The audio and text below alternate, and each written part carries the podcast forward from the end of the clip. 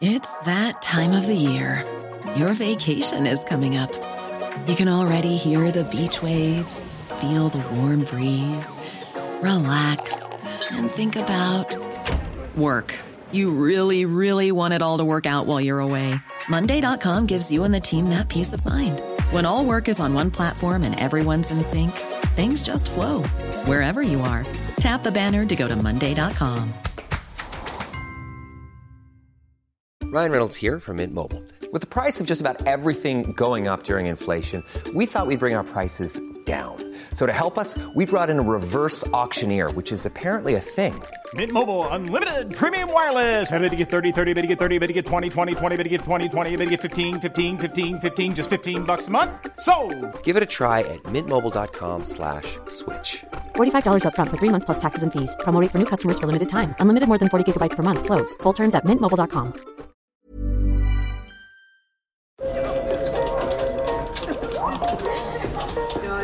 Dette er lyden av norsk næringsliv.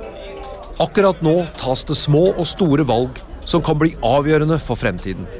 Med økonomisystemet X-Leger tas disse beslutningene basert på informasjon i samtid, slik at drømmer og ambisjoner kan bli virkelighet. Få kontroll og oversikt, gå inn på xledger.no.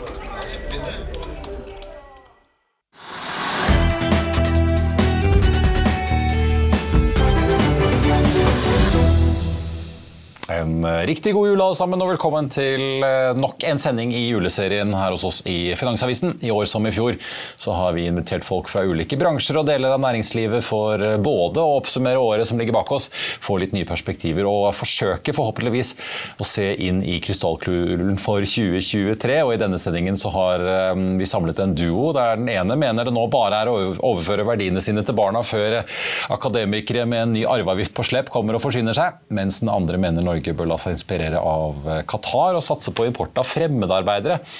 Ja, det er nesten så jeg bare kan hente popkornet som økonomiinteressert. Velkommen, sjeføkonom Jan Ludvig Andreassen i Eika-gruppen og uh, sjefen sjøl Trygve Hegnar. Ja, du fikk litt altså hatten uh, passet opp, på, passet påskrevet av lederen i Fellesforbundet, Jørn Eggum, Jan Ludvig, da du mente at vi måtte se til denne Gulfstaten for å løse Norges problemer. Ja, Hva var det egentlig du prøvde å si? Nei, altså Det var veldig Helt fair, det. altså. Og jeg beklager at jeg satte i gang så mye eh, negative viber rundt dette. Ja, Vi syns jo det var underholdende. Skrev artikkeleder om det. Ja, ja og den, den, var for øvrig veldig bra at du skrev, og den var veldig godt skrevet. Og eh, du oppsummerer egentlig litt sånn greia, da, at eh, og som jeg tror er noe nytt for Norge nå fremover, det er at vi har, kommer til å ha kronisk mangel på hva vi kan kalle kvalifisert arbeidskraft. Ja, For du mener jo vi må begynne å importere mer arbeidskraft? Nei, ja, Det er jo der jeg tok den litt for langt. for Det der får LO og de andre ta seg av, det skal ikke jeg si noe om. Men det her er Det har slått meg at vi har stramme arbeidsmarkeder, vi har mangel på lærere, vi har mangel på sykepleiere. Og så er det sånn etter oppslaget da, så treffer jeg på entreprenører. Og de frykter at når freden melder seg i Ukraina, så kommer masse av disse østeuropeiske bygningsarbeiderne nesten som en sånn solidaritetsøvelse å reise til Ukraina fra Norge. Hjelpe til, ikke sant? Hjelpe sine broderfolk. Så men hvis du bare ser på demografiske utsikter, så har vi egentlig, og det jeg burde ha sagt og holdt meg til, og jeg nok en gang beklager det skjevete uttrykk det er, det er, ikke alle, Jeg er veldig glad i å snakke i metaforer, og det er ikke alltid ja, men det de treffer. Det er lov å utfordre ja, rundt deg litt. Grann, men, men, men jeg, jeg, tror det er noe vi må ta på alvor, at det blir eh, systematisk mangel på arbeidskraft da, i Norge i årene som kommer. Eh, og så får folk eh, på andre stillinger enn meg. Jeg diskuterer hva det Men, men, men, men det, det, det, er et viktig poeng, men det er ikke så nytt. For vi har jo hatt da, importert arbeidskraft. Ja, for si, Trygve, Under pandemien så så vi jo på en måte egentlig altså Mange har jo visst hvor mange østeuropeiske håndverkere det er i landet som bygger og pusser opp og fikser og ordner. Men, ja, men under pandemien så vi jo virkelig hvor, mye, hvor, mange som er på verft og rundt omkring på ja, industribedrifter. Da de plutselig ikke fikk lov til å komme ut av landet, så fikk jo mange av disse store problemer. Ja, vi har systematisk importert altså, helsepersonell, doktorer, sykepleiere og hjelpepleiere har jo vært i årevis Altså Norsk helsevesen hadde ikke klart seg, særlig i ferieperioder, uten da import av arbeidskraft, særlig fra Sverige. Og Bøndene importerer 20 000-30 000 fra Vietnam og andre land av Øst-Europa. For da kommer gjennom avlingene og høstingen om sommer og høst. Så det, dette har vi drevet med i lang tid, bare ikke snakke så mye om det. Ja, men det er vel, lurer vi oss selv litt, er vi egentlig et slags sånn eh, mini-Qatar, mini-Dubai, bare at vi, vi, oppfører oss litt mer skikkelig enn de gjør? Ja, altså, jeg mener at vi delvis er det. Men så er tallene er ikke så store, og så er det ikke systematisk åpnet. Men vi importerer arbeidskraft på viktige områder som er helt nødvendige. Og det kommer til å bli verre fremover, tipper jeg også. Og så da, liksom, skal vi åpne helt, eller skal vi ikke åpne helt? Og det er et veldig morsomt poeng. det der med, liksom, Skal vi miste enda mer arbeidskraft innen bygg og anlegg? Sannsynligvis ja. Altså, jeg har en båtfabrikk i, i Polen. Og da krigen kom, hva skjedde da? Vi mistet masse arbeidskraft i Polen. Hvorfor da? Jo, for det var ukrainere som jobbet i Polen, som skulle hjem og, og slåss. Så det er en realitet at da, det vil påvirke arbeidstilbudet i mange land i Europa når krigen er avsluttet. Altså, noen er ute og slåss allerede. Vil, noen vil da gå tilbake til hjemlandet for å bygge de opp. Og noen vil gå tilbake til Polen, hvor de kanskje har litt bedre vilkår. hos hvor jeg har fabrikk. Kanskje. Så Problemstillingen er relevant, men det er klart at vi kan ikke si at nå åpner vi alt. Vi skal ha gjestearbeidere inn fra hele Europa til Norge. Men vi kommer til å trenge det. For det kommer til å være et stramt arbeidsmarked i lang tid fremover. Altså det, det, som slår meg, og det igjen når du tenker på liksom, Motto for 2023 er å tenke risk management for alle banker, bedrifter, eh, børsinvestorer osv. Eh, det er jo nettopp entreprenørene må ta høyde for at når det blir fred, så blir dette en gigantisk byggeplass i Ukraina. 45 millioner mennesker skal investeres for tusenvis av milliarder av kroner. Det kommer til å være som magnet på eh, alt mulig rart av De kommer til å ha underskudd på handelsbalansen på 50% av BNP i oppbyggingsperioden, og alt sponset av Europa osv. Det er masse land i Øst-Europa som da står klare med å gi arbeidskraft til da Ukraina. De, de, de kommer til å strømme, det er, jo, det er jo folk som ikke har jobb i hele Øst-Europa. Ja, men det er, ganske, det er mye bedre tider nå enn det var. Sånn, Polen også har sånn lønnsvekst på 10-15 og osv. Så, videre. så um, så, så, og så tror jeg eh, Dette er vanskelig å vite, men jeg gjetter på da, at det er en viss demografisk sak her. At eh, det var gøy for 20 år siden å være polsk arbeider i Norge. Du var 20 år gammel, du kom fra et fattig land. Du var ute på var tur. Dette var kjempegøy. Samme partysvensker, eller hva vi kalte dem. Ingen av de kom til Norge osv. Men nå alle de blir gamle, og alle disse landene har sine demografiske utfordringer, og alle de andre landene mangler øh, helsearbeidere osv. Så, videre. så Så øh, det er ikke så lett lenger. Um, og jeg må også si jeg fikk samme Jeg ble først oppmerksom på dette faktisk under pandemien, hvor avhengig vi er av utenlandsk arbeidskraft. Plutselig så var det masse Jeg så jo Kverner på Stord ble da med spørsmål om man, man ikke kunne få flyttet inn folk i stort mål, Ja. Jeg kommer også drive sånn um, lakseslakteri, ikke sant? og for 20 år siden så var det uh, bare nordmenn der. Ti år siden var det halvparten utlendinger og nordmenn, og nå er det bare utlendinger. ikke sant? Og er det blitt sånn, siden boligmarkedene er så svake i Distrikts-Norge, har vært det gjennom en mannsalder, så må han bygge boliger. Så nå er det lakseslakteri bygger boliger for sine arbeidere fra utlandet. Så viser hvor, hvor vi integrert vi er blitt. da. Eh, men nok om gang eh, om, om, om, Det jeg også syns er viktig å ha med her, er at vi har også forsømt oss på et annet område. Og det er jo at når vi har tatt inn alle disse folka, så har vi liksom latt veldig mange nordmenn liksom få det verre. Altså, Håndverkeryrkene er blitt forslumma. Vi har 100 000 mellom 20 og 30 år som eh, står utenfor det ordinære arbeidsmarkedet, skoletilbud osv. Og, og det er, LO har veldig godt poeng at vi må også kanskje først og fremst prøve å få disse inn i arbeidsmarkedet. Men det, det vil vi jo alle mene jo det. Ja, men kanskje, ja. Vi, kunne, kanskje, Vi, har gjort for lite. At vi får en oppvåkning? Ja, alltid, alltid. Dette her er litt sånn oppvåkning på det området òg. Alt vi snakker i Norge for tiden, er jo arbeidslinjen. Alle skal inn i arbeid osv. Det er pensjonister skal jobbe, og trygdede skal jobbe. Skatteutvalget som kom, der var det jo Gjøre forbilledlig jobb her, da. Du er et godt eksempel for oss alle. Det er ingen som snakker mer om arbeidslinjen i Norge. Så jeg synes det er bare bra at vi har en sånn liten, liten, bitte liten mulighet til å ta inn av folk andre steder fra, som, som bøndene gjør. Og som verftene gjør når de skal ferdigstille et skip. ikke sant? De har ett skip, kjempeskip, de har en kontrakt på 300 millioner kroner, så må de få ferdig inn en viss dato. Hvis de ikke gjør det, så får de bøter. Og det er klart, Da leier de 1000 liter inn, ikke sant? og så gjør vi det, så reiser de tilbake igjen. Det det, og så snakker vi ikke særlig om det. Og derfor er det bra at noen tar opp det poenget at vi kan ha kronisk for lite arbeidskraft. Og må vi da på en helt annen måte åpne dørene for disse i fremtiden, sannsynligvis. Og det kommer vi til å gjøre. Men Det leder oss jo over til eh, litt sånn fart i norsk økonomi eh, i året som eh, kommer. da. Ledigheten nå ligger på en 3,3 hvis du ser på SSB-tallene. De spår at den skal øke til 3,7. Inflasjonen har jo i hvert fall dalt Marius, bruk 1,6 isteden. 1,6? Ja, det er ledigheten som er skikkelig ledighet. Det er skikkelig ledighet. Det er, ikke, det, skikkelig ledighet. Det, er, det er ikke noe ledighet. Men du legger på de som søker arbeid, delvis arbeid sånn. Men, men det, det, jeg vil si når du har men altså, hvor, Tror du at liksom, det nå kommer en opprensning mer ledighet, eller er det bare litt sånn med dagens politikk så altså, Rolig opprensning? Første kvartal blir helt forferdelig. ikke sant? Fallende boligpriser, kollaps i boligbyggingen eh, osv. Eh, elendig detaljhandel, eh, reiselivet kommer til å gå dårlig osv. For de får jo reise på hyttene sine. Eh, vintersesongen er ødelagt av strømprisene.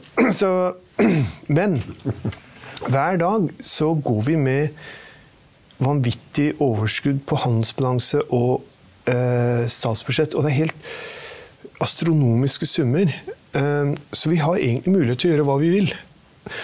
Og når jeg ser på Norge i 2023, så tror jeg det er rundt nullvekst. Men jeg tror det snur ganske heftig en eller annen gang i løpet av 2023. Jeg tror renta kommer ned. Etter en sånn tøff eh, start. Ja. Så. Det er den krisen som kommer til å endelig få folk til å våkne. Eh, eh, så og jeg tipper da altså Jeg syns jo eh, Jonas Gahr Støre og sånn er kjempeflink fyr, og de ledelsen der er briljante mennesker. De Lilly har truffet dem og vært veldig imponerende. Men jeg gjetter på det kommer et helt omslag nå. Det kommer nye folk inn kommer det en ny regjering, Senterpartiet går ut, det blir noe helt nytt nå. Altså Det er spådommen, altså. Slagsvold Vedum eh, takker for seg. Ja, jeg leser ja. Nasjonen, og du ser det er eh, De leiter med lys og lykt etter å komme ut av denne regjeringen. De ligger jo under sperregrensen på målingen nå. Arbeiderpartiet er eh, vake rundt 15-16. De er jo nå halvert. Senterpartiet er på 3,8, og Arbeiderpartiet er på 14,6 på den siste jeg kjenner til. da. Det kommer jo nye hele tiden, men jeg er litt, litt, overrasket over at du er så optimistisk for altså, annet halvår. Det kommer til å bli dårlig første, første kvartal, andre kvartal. Ja. Altså, det er jo, alt blir dårlig. Og da snur du ikke brått i annet halvår. Altså, dette tar tid. Ja, du, kan, kan... Du, du, du, du, har jo trodd at renten skal være under null eller ned hele tida. Men den, den, den, kommer ikke så raskt ned, vet du. Det er ikke snakk om Nei, men, ja, for, men ja, hvor, er det, hvor, er det, kapasiteten skal komme fra? Eh, Roar Hagen i VG, hadde jo, tegneren, hadde jo en helt sånn herlig tegning da statsbudsjettet kom med Trygve Slagsvold Vedum som onkel Skrue i pengebingen, som sa at nå trenger vi enda mer penger fra folket med alle pengene han sto på. Mye av den handelsbalansen du snakker om, det er jo bare olje- og gassinntekter. Nei, det er som skal det, holdes altså. unna. Det er, vi ser jo på eh, budsjettene, det er jo ikke sånn at de vil slippe, og Finansdepartementet holder igjen alt de kan. De øker skattene, ja, den, prøver å ta den, inn mest mulig penger. Ledigheten er fortsatt relativt, om det er 1,6 eller hva relativt lav. Så hvor er det liksom vi skal ha kapasitet til å gjøre noe nytt og skape noe liksom vekst? Nei, altså, så, så her er jeg, jeg, jeg mener jo liksom alle andre makroøkonomer tar feil. Da. Jeg tror ikke noe på noe Philips-kurv eller noe sånne type ting. Jeg tror ikke det blir noe inflasjon eh, av at du f.eks. fjerner matmomsen eh, osv. Så hvis du bruker penger korrekt, så vet jeg alle eldre makroøkonomer sier at nei, Jan, du kan ikke merke penger på den måten at dette her er eh, bruker penger der, så er det inflasjonsdempende, mens der er det inflasjonsøkende. Alt er bare grøt. ikke sant, som eh, Alt er luft i den samme ballongen. Men jeg syns det har vært veldig lite sånn derre nytenking rundt det. Også jeg, jeg, tror ikke dette er bærekraftig. Jeg tror ikke det å bruke så lite oljepenger som vi gjør, er, eh, kommer til å holde seg over tid. Det kommer til å sprekke ordentlig en eller annen gang. Eh, egentlig det beste shotet du har for å unngå det, det er Ida Wolden Bakke senker renta, sånn at det er mulig for mynd... Det er det jeg synes hadde vært så deilig hvis hun ikke hadde hevet renta nå. Så kunne eh, Vedum sagt se, vår politikk virker, du får ikke rentehevinger takket være de føres ram. Det kunne han ha gjort. Men selv den lille seieren fikk han ikke. Så jeg tror, jeg tror det blir politikkomslag i 23. Men jeg, jeg driver og uttaler meg om hva Xi Jinping gjør og Biden gjør osv. Og, og det er med litt den samme type ignoranse. Jeg har ikke peiling. Jeg gjetter på vi får en ny regjering i løpet av året, og vi får en ny pengepolitikk. Ja, nei, nei, men Det underliggende budskapet om at vi bruker for lite av de pengene vi har, det er 100 enig Det irriterer meg når jeg ser politikere. irriterer meg når jeg ser Lars Støre og også andre, og Vedum, som hele tiden snakket om at liksom, hvis vi bruker fem øre mer, så vil det øke presset på, på prisene. og altså, Norges Bank må ta affære med høyere rente. Det er, ikke, det er ikke sånn det er, sannsynligvis. Det er, altså, vi kan bruke mer penger, og hvor mye det slår ut, det vet vi ikke. Men det, det er ikke slik at prisene går rett i været fordi om 400 000 fatt, fatt, fattige, altså de som er under husholdninger på inntekt under 250 000, at de plutselig skulle få 2000 hver i hånden, og så skulle liksom prisen eksplodere. Det er ikke sant. På den annen side, hvis, hvis x antall 100 000 mennesker plutselig får da penger 3000 eller 5000 i hånden, så vil de jo bruke pengene umiddelbart.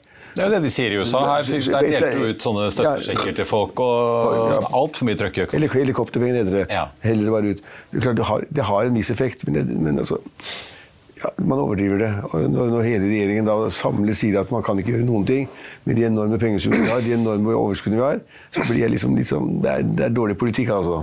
Men, uh, om, om, om, som Jan sier, om det feller regjeringen til neste år, det tviler jeg på. Altså. Jeg, jeg, jeg, tror ikke de feller, jeg tror det går i oppløsning av seg selv. Ja, ja, ja. Og, og, så tipper jeg, da Men jeg har, selvfølgelig er jeg novise i dette faget her.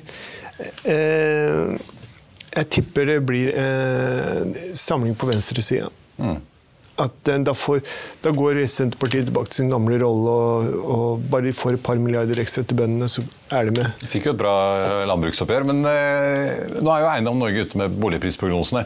Jan eh, forventer et ganske tøft første halvår, virker jo som du gjør det òg, Trygve. Eiendom Norge spår boligprisene ned 3,5 neste år, 6% i Oslo. Ja, jeg tror det er altså, det, Hva tror du? Ja, det er nærmere 6 ja. Altså, folk er så engstelige nå at eh, vet, de vet ikke hva de gjør. Ingen til å kjøpe noe som helst. Det er et, over, det er et overheng på tilbudssiden. Det er helt åpenbart. Uh, og rentene er jo ikke tatt ordentlig opp ennå. Altså De rentenotene husholdningene på. Boligkjøpere skal, de har ikke sett hvor det står renten ennå. De skal begynne å regne på det i januar, februar, mars. Så folk vil oppdage rentesjokket mye hardere enn det er gjort hittil. Og det betyr at de vil betale mindre for bolig sannsynligvis av engstelse. Så jeg tror at du får et prisfall på boliger på 5-6-7-8% i løpet av 23. Eh, ja, nå har jo Ida Wollenbakke varslet at vi får en, kanskje to renteøkninger til. Sier si vi får én, da, og bankene følger opp med boliglånsrentene. Da kommer jo den økningen etter varslingsfristen kanskje først rundt påske. Vil du bli oppdatert på det viktigste som har skjedd innen finans og næringsliv? Da er det bare å følge med, for hver morgen er jeg, Marius Lorentzen og aksjekommentator Karl Johan Malnes på plass i studio for å ta tempen på dagens marked i Børsmorgen. Og hver ettermiddag oppsummerer vi alt du trenger å vite i økonominyhetene, og det blir selvfølgelig masse interessante gjester.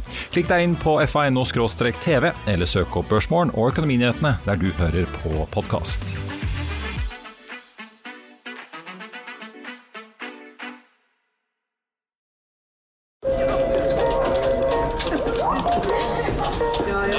Dette er lyden av norsk næringsliv. Akkurat nå tas det små og store valg som kan bli avgjørende for fremtiden. Med økonomisystemet X-Leger tas disse beslutningene basert på informasjon i sanntid, slik at drømmer og ambisjoner kan bli virkelighet. Få kontroll og oversikt, gå inn på xledger.no. Nei, altså jeg... Hva tror du om boligmarkedet? Hvor eh, kan det duppe over i andre halvår også? Eh, alt kan jo skje, men i det Jeg, vet alt kan skje, men hva politikkomslag Tror du det er en reell fare for det? Og så vil jeg si at jeg ville lagt Hiring for your small business? If you're not looking for professionals on LinkedIn, you're looking in the wrong place. That's like looking for your car keys in a fish tank. LinkedIn helps you hire professionals you can't find anywhere else, even those who aren't actively searching for a new job but might be open to the perfect role. In a given month, over 70% of LinkedIn users don't even visit other leading job sites. So start looking in the right place. With LinkedIn, you can hire professionals like a professional. Post your free job on linkedin.com slash people today. I'll see you in court. Vi sier det ofte litt på spøk, men for deg som driver business, er det aldri moro å innse at du ikke har laget en 100 gyldig kontrakt. Du bør ikke risikere hele firmaet ditt fordi du synes dette med kontrakter er litt stress. En avtale er ikke en avtale. Du kan miste kunder, miste venner, ja, til og med miste inntekter om du ikke lager en skikkelig kontrakt, på alt mulig, egentlig. Men vi vet det er et styr. Kopimaskiner, tregprinter og haugevis av papir. Dessuten stoler vi jo på folk her i landet. Det er ofte litt kleint å skulle be om en signatur for alt mulig, ja, for mye av styret handler også om jakten på underskriften. Det finnes en enkel måte å løse dette på, Dukkobit, en trygg, effektiv og get this, gratis måte å sikre seg en god natts søvn pluss en juridisk bindende avtale. Dukkobit-appen har de strengeste sikkerhetskrav i bunn, samt en EU-godkjent og sertifisert teknologi. Framover vil det bli behagelig å spørre du, skal vi skrive under på det, eller? Kom i gang på dokobit.no. Til grunn det scenarioet der i mine analyser for eh, når jeg skal råde i folk om å kjøpe bolig. Men personlig så tror jeg at eh, vi har vikla oss inn i en veldig sånn vanskelig situasjon hvor vi bygger for lite boliger. Og så øker vi renten, og så bygger vi enda mindre. Mm. Og uh, det er ikke i det bare Ingrid Wolden Bakkes feil osv., men altså, hele samfunnet er blitt sånn nå at det bygges kronisk lite boliger i Oslo. Jeg kan ikke huske sist det ble bygget så lite. Eh, og sentraliseringen fortsetter med uforminsket styrke pga. en litt sånn mislykka distriktspolitikk. Eh, så, og selvfølgelig befolkningsvekst som følge av innvandring bl.a. Ukraina-flyktninger. Jeg, jeg, tror det blir kraftig omslag. Uh, dagens jeg, Godt være at vi får veldig svakt boligmarked i første halvår, men jeg tror det er en eh, liksom, fantastisk kjøpsmulighet. Jeg, jeg, tror det markedet er Grunnleggende sett så er det vi, vi, vi, vi, har, vi kommer til å ha 15 ja, 15 ja, Glimrende kjøpsmulighet. Først må det falle litt, da. Det må, må, må, må, du la det falle 5-6-7 før du kjøper det, istedenfor å kjøpe på topp nå og så falle etterpå. Jo, men det, det er litt sånn Du kan ikke råde folk til å kjøpe nå. Husk at forskjell på gode, gamle verditakst og lånetakst er 10 Så det er jo egentlig det vi snakker om til våren får du kjøpt til lånetakst. Det er det jeg prøver ja. å si. Altså, så, og jeg er ikke sikker på hvordan disse indeksene egentlig, hvordan det vil slå ut. Om det blir så, så stort fall. Det, uh, det man uh, uh, Mitt tips er at mye av det som er varslet igangsatt, blir bare stoppa. Husk Store deler av Norge, nesten alt utenom Oslo, så koster en gjennomsnittsbolig 3,5 millioner kroner. Eh, det her er ikke Hongkong eller Monaco eller London. Altså. Det her er helt vanlige boliger. I store deler av Norge, så lønner nesten nær sagt det meste av Norge, så lønner det seg ikke å bygge bolig på gratis tomt. Så, ikke sant? Fordi nybyggprisen er høyere enn bruktboligprisen. La de slite med de distriktene. Vi snakker, vi snakker om Oslo, da. Oslo, Oslo, jo, men ikke sant? Oslo Oslo, Oslo, Drammen, Oslo, Bergen. ikke sant? Det er der vi skal få fallet på 5-6-7 sannsynligvis. Stavanger skal opp, ifølge Stavanger skal opp, ja. Skal opp. Ene unntaket. Vi reddet oljenæringen igjen, virker det som. Nei, men husk at uh, på Agder og uh, og eh, Stavanger så er boligprisene fortsatt sånn rundt 2012-nivå. Da har de toppet da den gangen. ikke sant? Så her kan det stige en god del. Distriktene hvor han der kameraten min som bygger bolig for sine arbeidere så Der koster en enebolig i utgangspunktet 1-2 millioner kroner. Det er, kommer ikke til å kollapse, ikke fordi det har allerede det er ikke noe mer å falle på. Og sånn, sånn er Norge. Oslo har en gjennomsnittlig kvadratmeterpris på 91 000. Det er helt unormalt i hele Norge. Eh, Oslo er 150 kvadratkilometer beboelig areal av et land på 380 000 kvadratkilometer. Så, og så er, jeg er også i debatt med boligekspertene, og da sier nei, alt er Oslo. Ja, det, med modifikasjoner. Nei, så jeg, jeg skal ikke være for... Hva var summen av dette at det ikke stiger boligprisen særlig? altså, Nei, altså jeg skal jo jeg, har, jeg, har ikke, jeg skal legge inn min gjettemål, da. Ja. Men eh, desember over desember har jeg på rundt 10% pluss. Pluss? Mm. Fordi vi får sånn langt ned, og så går vi opp igjen. Oi, oi, oi. Ja, Det blir gøy. Det skal vi huske. Nå har jeg hatt, I denne juleserien har vi hatt både Kjersti Bråten i DNB-sjefen her, og Nille-sjef Kjersti Hobøl. Begge to har sagt hvis boligbyggingen eh, klapper sammen, da drysser det ned på varehandel og masse andre sektorer ganske fort. Ja, det er sånn, det som Finanstilsynet alltid hevder. Liksom at effektene på da, ja, for høy, høy gjeldsbelåning og økning i rente osv. Så, så ja, det er mange andre ra, det. ra, rakner alt sammen. Det, det er så enkle analyser.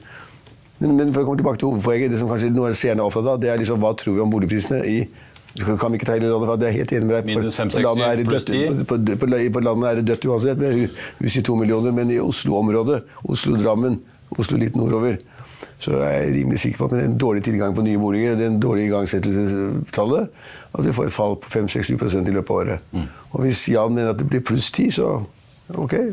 Gøy at Nei, jeg, jeg, så saken er, hvis du sa snitt på året, så blir det null. Eh, og da havner jeg faktisk eh, rundt 10 på desember. Desember over desember. Ja. Så husk, det, det, det her er veldig sånn pussig sak, altså, fordi eh, det er veldig mange som er opptatt av desember og desember. Det vi egentlig snakker om, tror jeg, er at eh, disse greiene hopper og spretter. Det er 2,5 millioner boliger i Norge. Det er 10 000 av dem som omsettes hver, hver måned. Og så bruker vi det som indikator på alt. ikke sant? Det, men det er veldig porøse greier. Det er, ikke, det er veldig ulik. Det er heterogene objekter osv. Det man kan legge til grunn tror jeg, over tid, det er at boligprisene stiger sånn som lønnsveksten gjør. Og så Under pandemien kom det litt høyere enn eh, normalt, og nå kommer det litt lavere enn normalt. Liksom at Trendveksten i eh, boligprisene er eh, omtrent det samme som lønnsveksten, som er en 3-4% Og det, det, og så blir det det er det jeg tror man skal forholde seg til hvis man er boligkjøper. Da. Fordi, og Det som kan bryte den trenden, er at hvis Norge blir fattig. ikke sant? Men det blir vi ikke. Vi blir veldig mye rikere.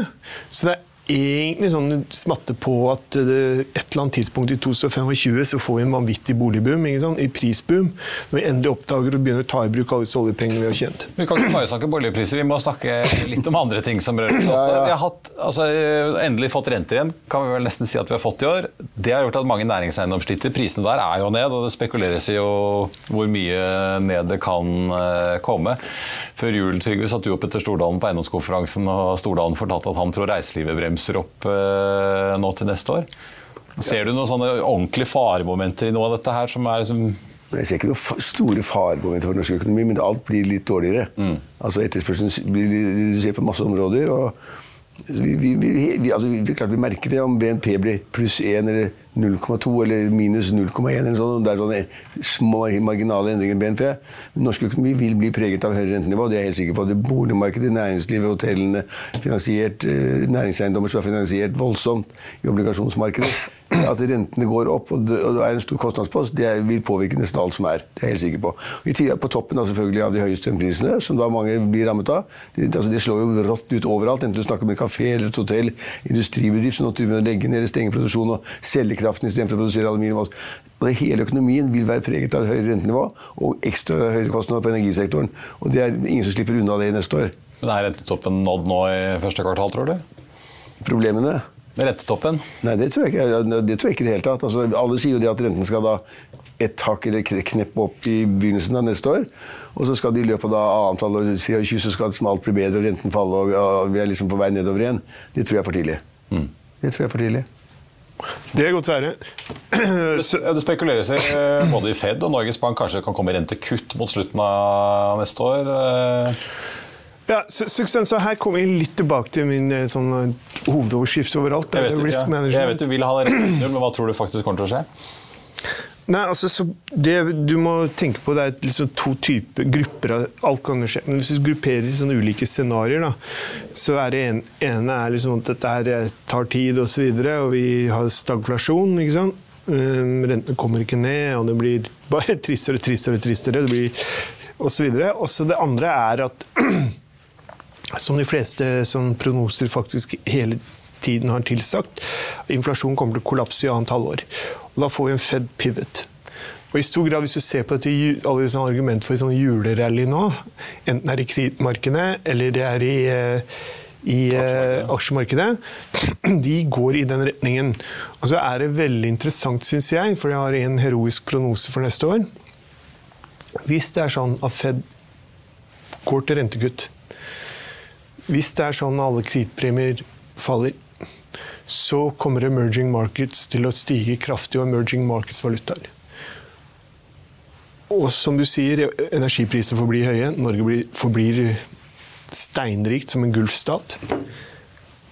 Det mest asset som jeg tror er mest oppside i 2023 potensielt, det er norske kroner. Jeg tror krona kan virkelig ta av i løpet av neste år. Vi har en helt vanvittig svak krone i forhold til vår handelsbalanse. Vi har handelsbalanse på 40% av BNP. eller noe sånt. Ja, vi ligger vel på 9,60 ja, på dollaren. Vi, vi tåler egentlig hva som helst av valutakurs i forhold til handelsbalansen. ikke sant? Eh, og så har vi en veldig aggressiv sentralbank. ikke sant? Det der greiene der, det er eh, Og jeg, det er det jeg sier også til Norges Bank. Dere må tenke på hvilke risikoer dere utsetter Norge for nå. Enten det er innenlands og disse barnefamiliene som lider Er det comebacket for den norske sydenturisten i Spania og USA og Frankrike? holdt jeg på å si? Men du skal huske på én ting. Jeg vil si en ting til Jan og til seerne våre. og det er at jeg, altså, man, man, følger med på nyhetene overalt, hjemme og ute. Og jeg blir litt sånn skeptisk når alle nyhetssendinger, alle økonomer, alle politikere som uttaler seg, sier at alt dette kommer til å snu i annet halvår. Da skal renten ned, sentralbanken senke styringsrenten, og liksom jeg kommer ned på en sånn prisvekstnivå på 2% som det er dit man skal. Altså Når alle sier det, så blir det ikke sånn. vet du. Men det er alle tror og ønsker og håper det. For at man skal gjennom litt pain denne vinteren her, og det er litt vanskelig.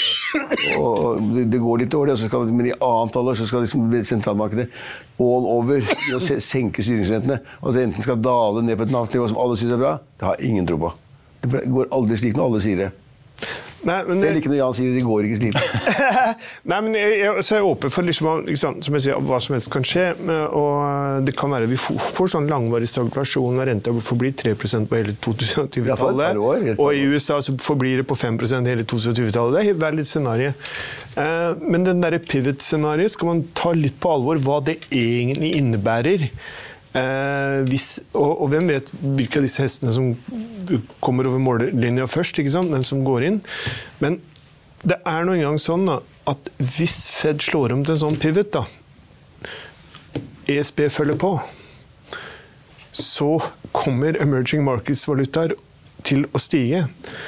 Hvis da oljeprisen holder seg høy samtidig som rentene faller,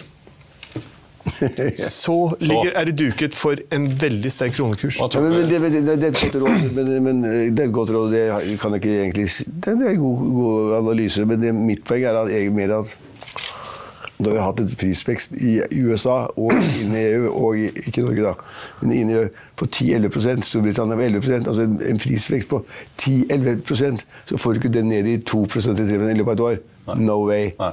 Det tar det, det, No way, altså. Det er ikke mulig. Det tar lengre tid. Vi er ikke, vi er ikke ferdig med dette i annet halvår 23. Foreløpig har Powell sagt ja, ja, jeg, Det kan godt være du har rett, men ekspertene i IMF mm. har sagt hele tida, egentlig helt fra det starta 2024 så er inflasjonen back on track.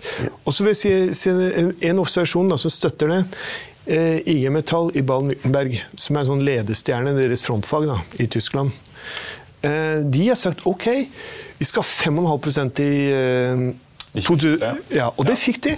Men da går vi med på 3,3 i 24. Så også i Tyskland nå så er de back on track hvis de klarer å holde frontfagsmodellen. Deres frontfagsmodell, da. Så er de back on track i 2024. 24 er litt mer dempet enn 23. Da. Ja, ja. Men, men, jeg tror bare at det er helt urealistisk å tro det at man kan gå fra en prisvekst på 10-11% altså, det er Bare en uke siden så var tallene i Storbritannia 10,8 eller whatever. Og Sverige ligger over 10. Ja, og, og, det skal gå derfra ned på 2 eller 3 i løpet av et år. Hva tror, du, hva tror du om lønnsoppgjøret til våren? da? Mange bedriftsledere følger med på det og blir påvirket av det? Ja, altså jeg tror det kommer til altså det, tror du LO kommer til å klikke til med? Kommer de til. Nei, da, LO er så tilpasset økonomien vår. Vi har, vi har frontfagsmodellen og vi har trepartisystemet. Det står. Derfor får vi da sannsynligvis en lønnsvekst på 4,5-5 det kan alle leve med, sannsynligvis. Og så er problemet bare det at prisveksten også ligger på 4-5 så det er null reallønnsvekst. Og det må da fagforeningen fagforeningene og politiske partier de må si at det er fint. Det må vi gjennom nå. Ja, vi må alle, må, det, hvis vi skal få ned trykket. Ja, ja, alle må tåle null reallønnsvekst, og det, det, tror jeg kommer til å skje også. Det er ikke sikkert at de plutselig nå kommer til å kreve lønnsøkninger på 5-67 Ingen kommer til å kreve det. Kanskje det blir IG Metall som setter standard? Vi sa, vi sa jo her i, sa i Finansavisen og disse sendingene om at og om at, om at, at det er ingen som kommer til å få en lønnsøkning i Norge høyere enn 3,9 som var da frontfagsmodellen. Og så streiket den ene gruppen etter den andre. Ikke Noen fikk ett øre mer enn de andre. Det er ikke som vi gjør i Norge. Her er det jerndisiplin. Så hvis da parten av arbeidslivet da kommer til å, i våren kommer til å si at ok, vi krever 4,6 og prisveksten er 4,5, så liksom så blir det sånn. Kort til slutt, Hva tror dere om eh, børsen neste år? da? Vi ligger og vaker rundt eh, null. Fått ganske mye fall i, i USA på de store indeksene. SMP er vel ned nesten 20% Nasdaq ligger jo litt over 30% i hvert fall det vi sitter her.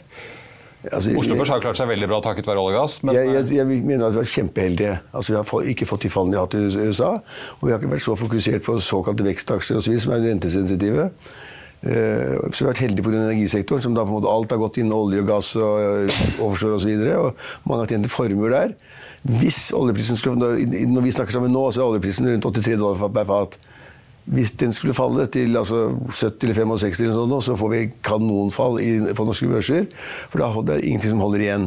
Da skal vi ta igjen det fallet vi burde hatt i Norge, som vi ikke har fått. Og så får vi da fallene da inn de store, tunge industriene. Så det er ikke bra i det hele tatt. Så mye henger på oljeprisen. Mm. Hvis oljeprisen fortsetter opp, så reddes vi energi igjen. Veldig, veldig heldig for mange andre. Og så glemmer man at man burde se mer på USA, hvor hovedindeksen har falt 30-45 Sentrale selskaper innen tekstselskapene har falt 50-60-70% ikke sant? Det er alle de navnene vi kan, enten det er Netflix Tesla Facebook, eller Netflix ja. eller Amazon eller whatever. De har falt 40-50-60-70 Det burde stå som en svær plakat overalt. Se på disse tallene her. Minus 60, minus 70. Halvert, halvert, halvert. Ja. Kan, det, kan det skje her, eller kan det ikke skje her? Nei, det kan ikke skje her. Sannsynligvis ikke fordi at oljeprisen holder seg rimelig høy. Men faller energisektoren sammen, så får vi et kjempesmell i Norge. Ja, altså, oljeprisen er jokeren. Ja, jeg vil heller Jeg gjetter på at uh, igjen det kan bli stagflasjon osv. Men legg merke til får vi en Fed pivot. Og det er det som er litt sånn i lufta nå i den derre juleminirallyet vi har i disse dager.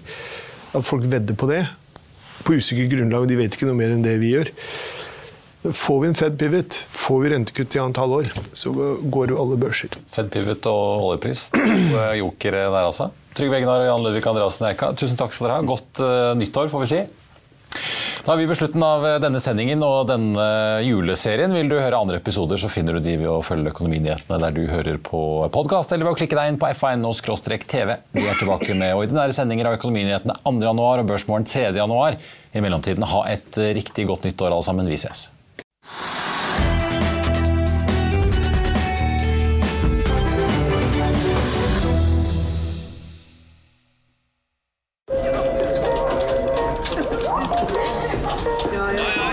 Dette er lyden av norsk næringsliv.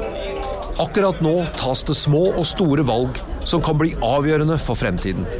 Med økonomisystemet X-Leger tas disse beslutningene basert på informasjon i sanntid, slik at drømmer og ambisjoner kan bli virkelighet.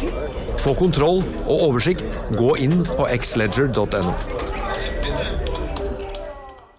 Økonominyhetene er en podkast fra Finansavisen. Programledere er Marius Lorentzen, Stein Ove Haugen og Benedikte Storm Bamvik. Produsenter er Lars Brenden Skram og Bashar Johar. Og ansvarlig redaktør er Trygve Hegnar.